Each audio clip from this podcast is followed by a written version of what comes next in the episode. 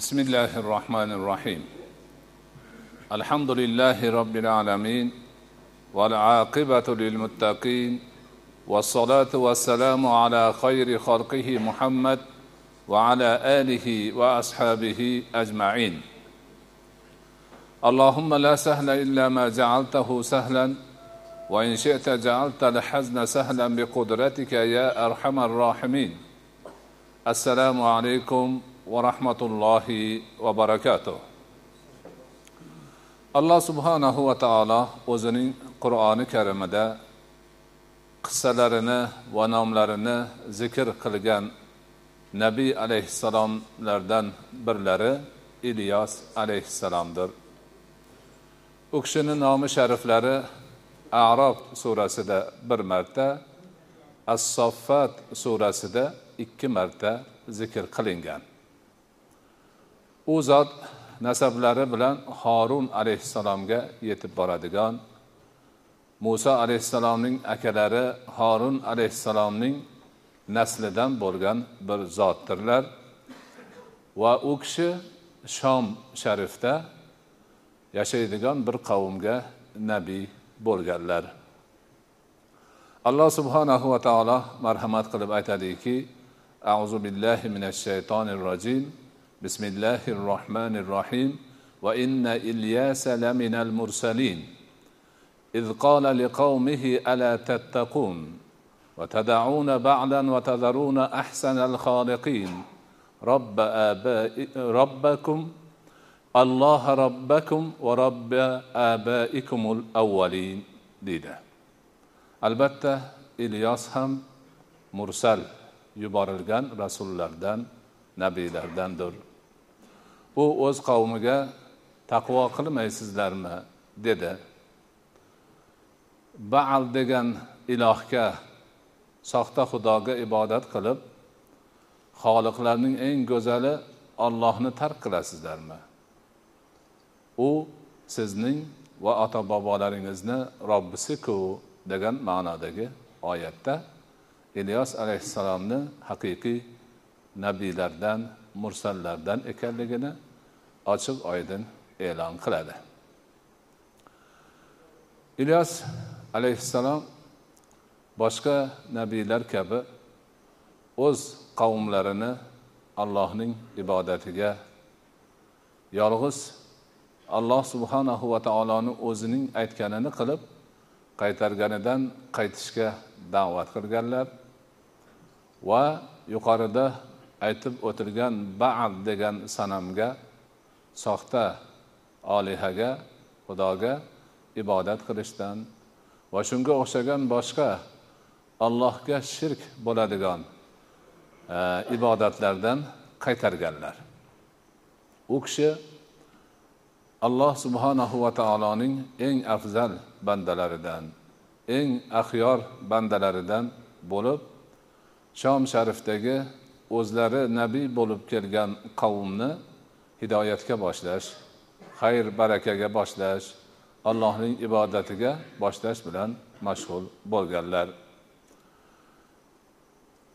Ilyos alayhissalom to'g'risida o'sha biz aytib o'tgan uchta oyatdan boshqa oyatlar yo'q va hadislarda ham u kishini to'g'risida ma'lumotlar yo'q. Mazkur uch oyatdan xulosa chiqaradigan bo'lsak u kishi ham bani isroil nabiylaridan bir nabiy bo'lib alloh subhanahu va taoloning qur'oni karimda zikr qilingan nabiylarini qatoriga kirganlar va o'zlari demak ahli fazl nabiylik martabasiga erishgan bir ulug' zotlardan bo'lganligi uchun alloh taolo albatta u kishini qur'onda zikr qilganlar. Yana ana shunday qur'onda zikri va qisqagina qissalari kelgan nabiylardan biri ali yasa alayhissalom. Ali yasa alayhissalomni zikrlari e, ilyos alayhissalomnikidan ham qisqaroq. Ikki marta qisqa qisqa oyatlarda boshqa nabiylarga qo'shilib zikr qilingan. Va واليسع val yasaa va yana boshqa yerda ismoil alayhissalom bilan yunus va lut alayhissalom bilan qo'shilib zikr qilinganlar. Bu kishi ham ana shu shom suriya yerlarida bir ma'lum qavmga payg'ambar bo'lganlar oz sonli qavmga payg'ambar nabiy bo'lganlar va ilyos alayhissalom bilan amakivachcha bo'lganlar.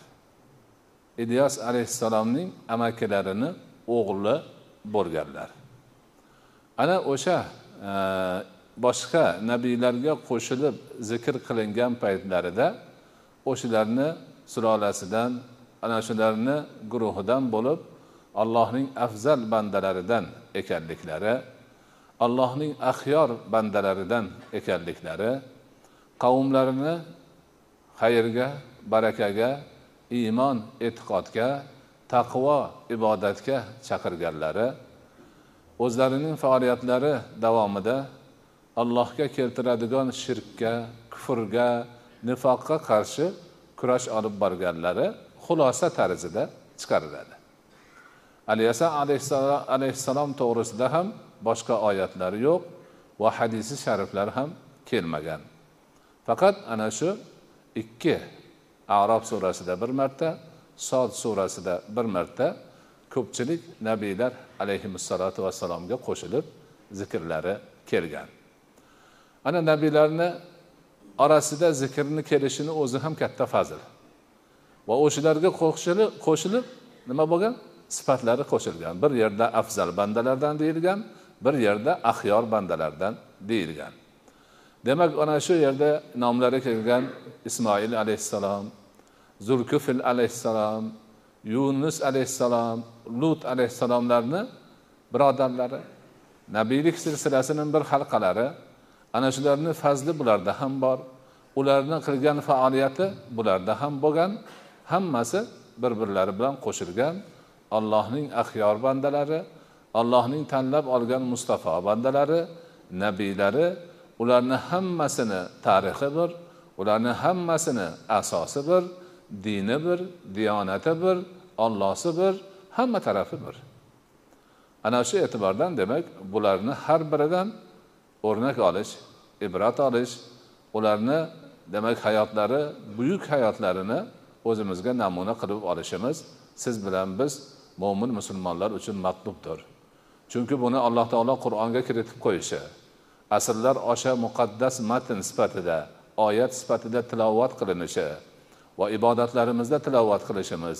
Mana hozir qorilarimiz o'qishib kelyapti mana shu oyatlarni hammasini namozda o'qilib o'tgan.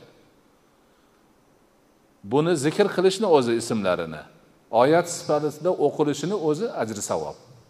Katta bir martabaga sazovor qiladigan narsa.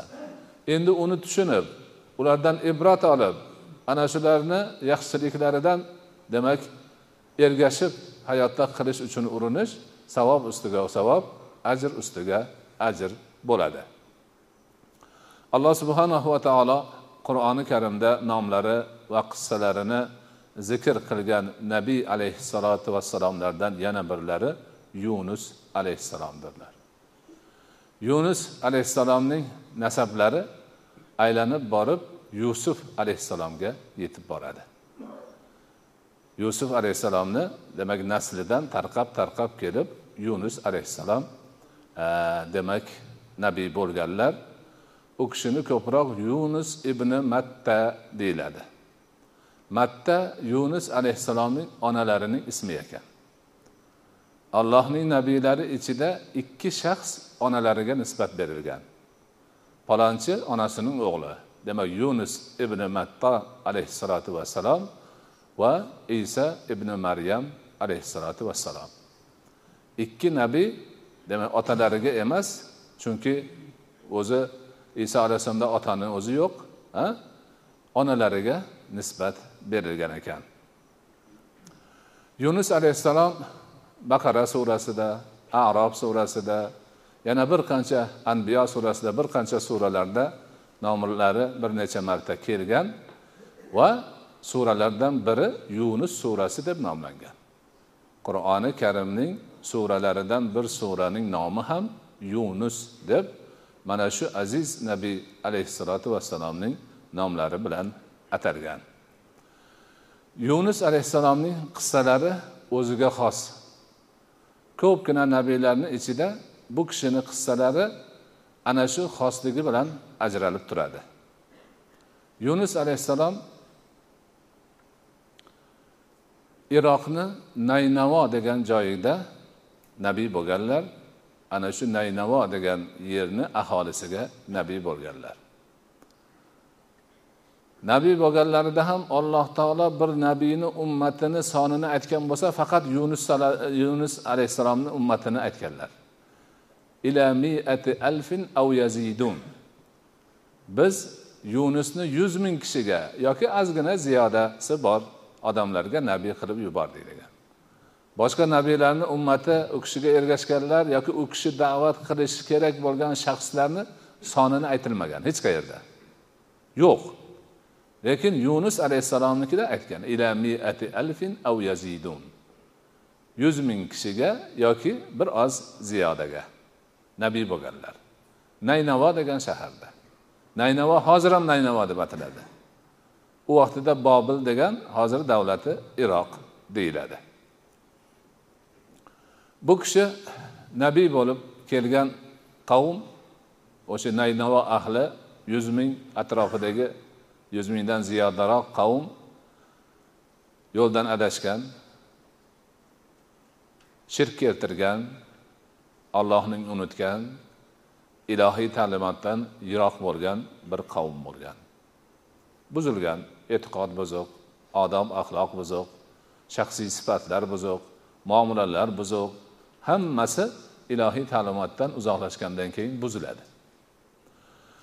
Ana shularni tuzatish nabiylarning vazifasi bo'ladi. Yunus alayhissalom nabiy bo'lib kelib haligi qavmga allohning kalomini yetkazdilar ta'limotlarini yetkazdilar. Ularni shirkdan chetlanishga kufrdan chetlanishga axloqsizlik harom xarishdan chetlanishga chaqirdilar. Juda ko'p urindilar qavm hech quloq solmadi. Hech quloq solmadi. Aytganlariga kirmadi. Umuman e'tibor qilmadi. Pisand ham qilmadi. Shunda yunus alayhissalom qattiq noumid bo'ldilar. Qavmdan g'azablandilar. Achchiq qildilarda arazlab qavmni tashlab chiqib ketdilar. Sanlarni mani yelkamni chuquri ko'rsin degan ma'nodagi muomalani qildida yurtni ham odamlarni ham tashlab boshimni olib ketdim deb jo'nab ketdilar. Ana shu achchig'ini ustida borsalar qirg'oqda dengizni bo'yida bir kema yo'lga chiqishga tayyorlanib turibdi. Mani ham olib boringlar dedi man ham ketyapman bir yoqqa qayoqqa bo'lsa ketaveraman degan niyatlari bor. Kemaga chiqdilar. Kema o'zini ma'lum tartibotlarini olgandan keyin vaqti soati kelib yo'lga chiqib dengizda yurib ketdi. Dengizda bir oz yurganlaridan keyin to'lqin turdi. Juda qattiq dovul keldi. Kemadagilarni hammasi endi qachon halokatga uchrarkanmiz degan titroqqa qo'rquvga tushishdi. Hech bir najotni nishonasi ham ko'rinmaydigan dengizdagi qo'rquv juda yomon bo'ladi. Chunki hamma yoq suv biror narsani ushlab qolishni ham imkoni yo'q. Chayqalib turgan kemani sal bosishni ham imkoni yo'q. Oxiri qavm nima bo'ldi bu odatdan tashqari holatku? deb o'zlaricha sababni axtarishib bir qutulish yo'lini izlashib qoldi. Shunda ularni xayoliga aftidan ichimizda bir gunohkor ollohni aytganini qilmagan banda bor shekilli ana shuni demak gunohi allohga osiy bo'lganligi tufayli bizda mana shu kemaga shunday ofat kelib dovulda qoldi kerak ana shu odamni topish kerak deb izlashdi topilmadi. Keyin aytishdiki mayli topilmasa ham bo'lmasa endi qur'a tashlaymiz. Qur'a tashlab qur'a kimga chiqsa o'sha odamni qurbonlik sifatida dengizga otamiz. O'sha qurbonlik bo'lsinu boshqalar salomat qolsin alloh ularni qutqarsin degan taklif qilindi. Bu taklif kemadagilarni barchasi tomonidan qabul etildi. Qur'a tashlashuvdi yunus alayhissalomga chiqdi. Bu yog'idan aylansa ham shu kishiga bu yog'idan aylansa ham shu kishiga. Bo'ldi kelishganmiz dedida u kishini ushlab turib dengizga otishdi. Ana dovul bo'lib turgan qirg'oq ko'rinmaydigan zulmatlar ichidagi dengizga otilganda alloh subhanahu va taoloni amri bilan u kishini bir katta baliq yutdi. Shuning uchun yunus alayhissalomni qur'onda kelgan nomlaridan biri zunnun. Zunnun degani baliq egasi degani. Nun arabchada baliqni nima? Ma'nosini bildiradi. Zu degani egasi degani. Shuning uchun zunnun so'zi ham yunus alayhissalomni eslatadi va u kishi o'sha baliqni ichiga tushib qolganliklarini bildiradi.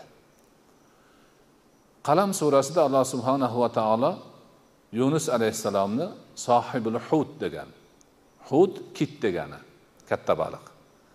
Ana o'sha katta baliqni egasi sohibi deb zikr qilgan. Demak yunus alayhissalom qur'oni karimda o'zlarini shu tug'ilganlarida qo'yilgan yunus nomlari bilan zunnun laqabi bilan va sohibil hud laqabi bilan zikr qilinganlar.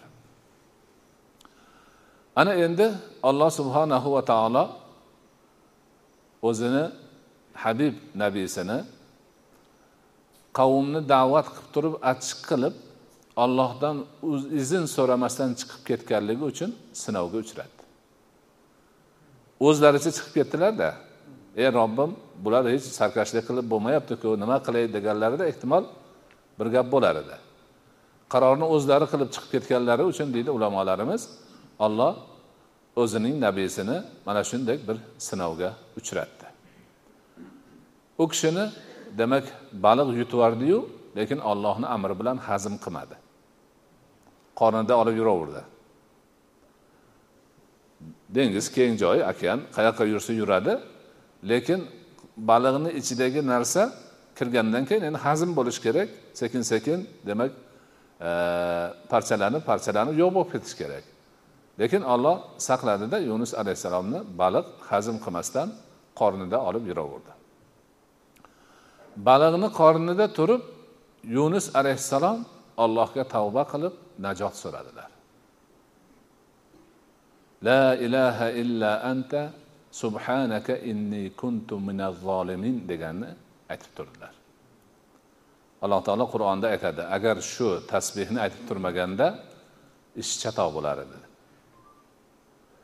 ana shuni tinmay baliqni ichida turib aytaverdilar. La ilaha illa anta subhanaka inni kuntu minaz zolimin o'zingdan boshqa ibodatga sazovor ilohu ma'bud yo'q. San o'zing poksan robbim.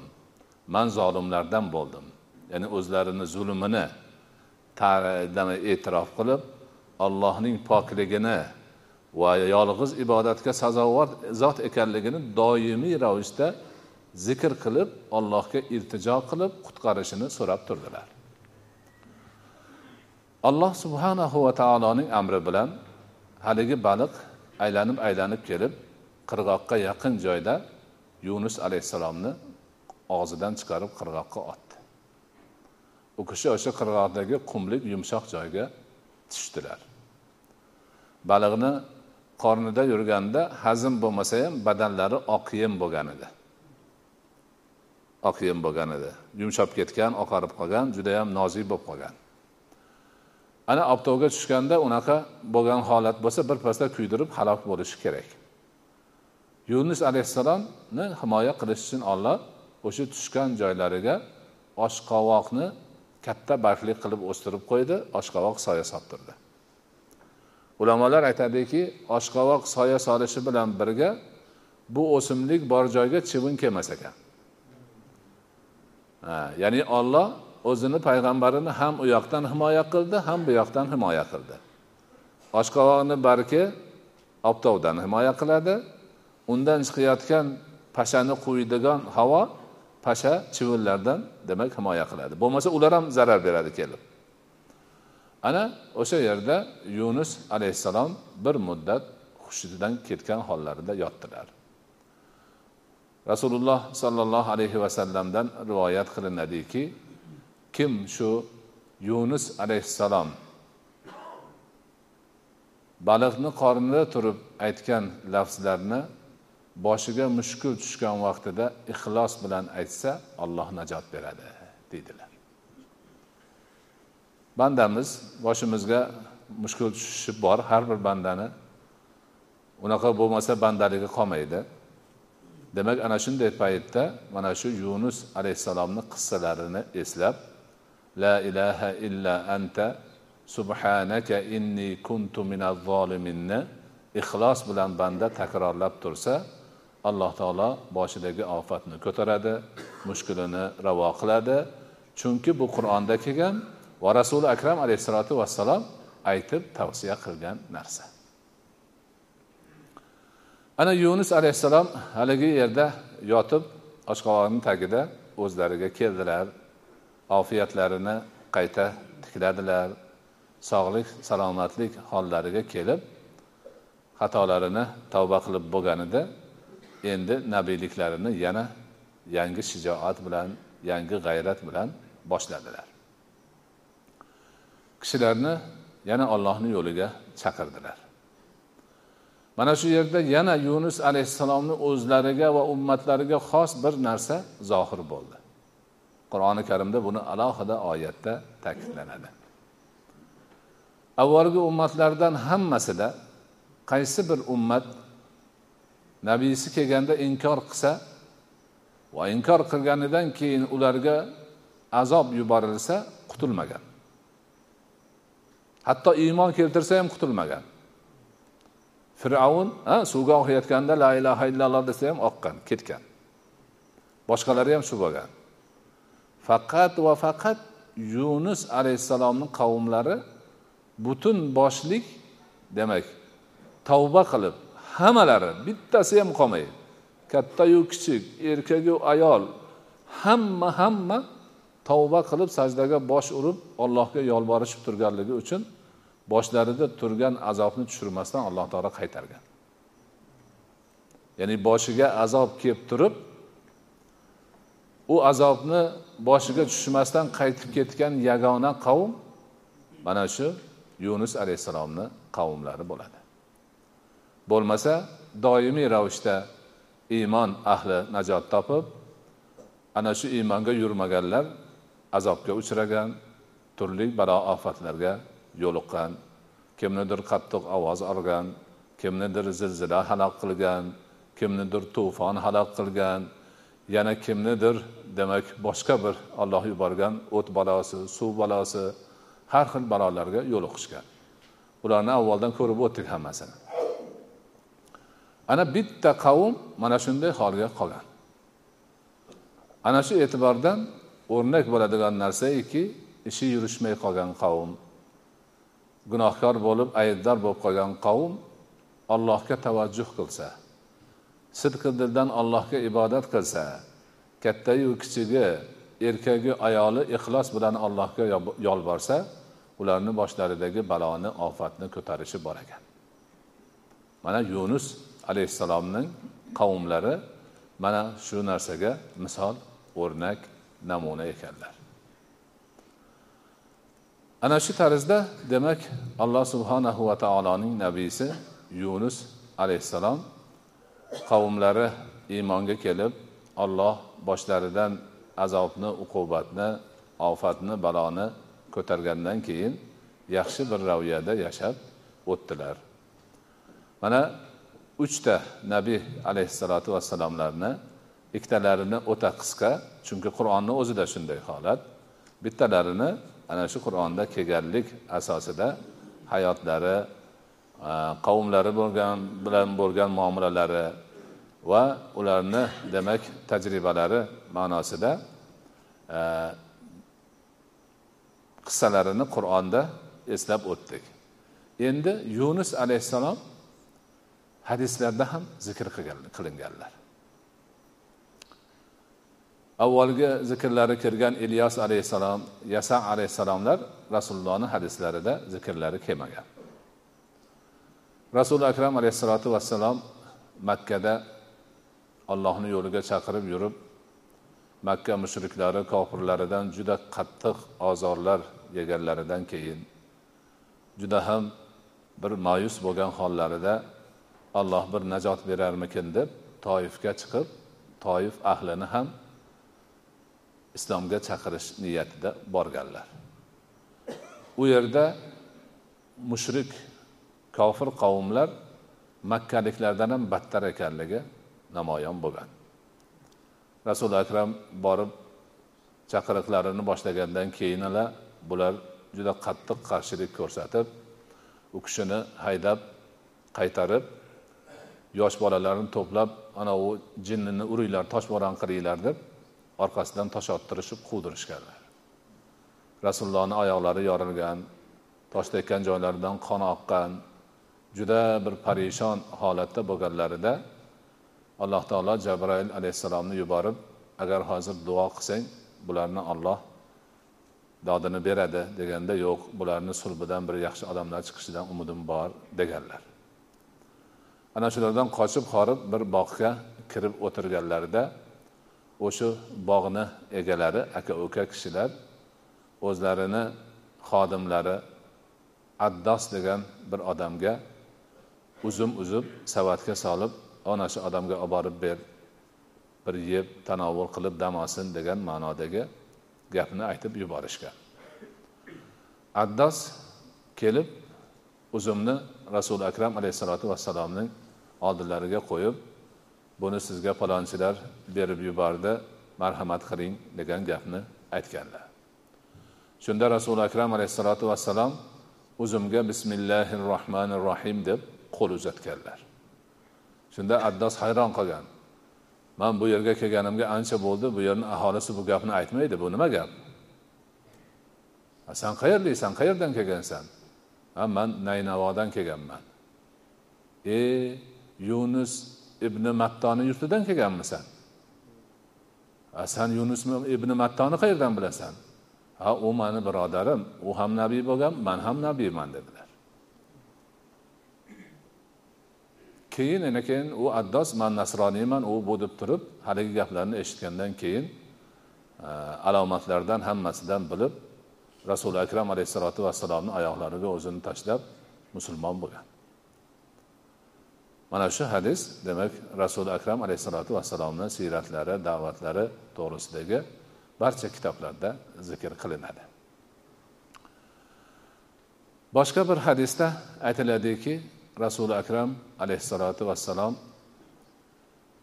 makkai mukarramada aylanib yurib bir vodiyga keldilarda so'radilar bu vodiy qanday vodiy? Azroq degan vodiy dedilar. Ha yaxshi. Man hozir muso alayhissalomni labbayka aytib yurib kelayotganlarini ko'rgandayman deb muso alayhissalomni nima? Sifatlarini aytadilar. Yana yurib borib borib bir tepalikka to'g'ri keladilar.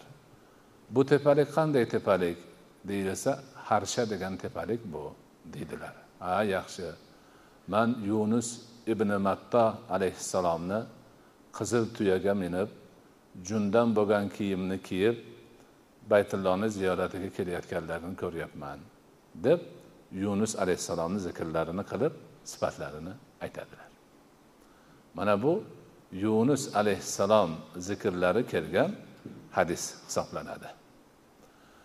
Uchinchi bir hadisda rasululloh sollallohu alayhi vasallam aytadilarki hech kimga mani yunus ibn mattodan ustun qo'yish kerak emas. U yunus ibn mattodir deb turib u kishini otalarini ham zikr qiladi deyilgan qanaqa qilib zikr qilganlari hadisda kelmaydi. Mana yunus alayhissalom to'g'risida hadisi shariflardan uchtasi kelgan ekan. Mana shuni ulamolarimiz bu kishini hayotlari to'g'risidagi qissalarga qo'shib zikr qilinadi. Alloh subhanahu va taolo bu uch nabiy alayhissalotu vassalomni hayotlaridan faoliyatlaridan qilgan ishlaridan ibrat olishimiz nasihat olishimiz bu narsalarni hammasidan barchamizga bir foydalar kelishini o'zi osonlashtirgan bo'lsin.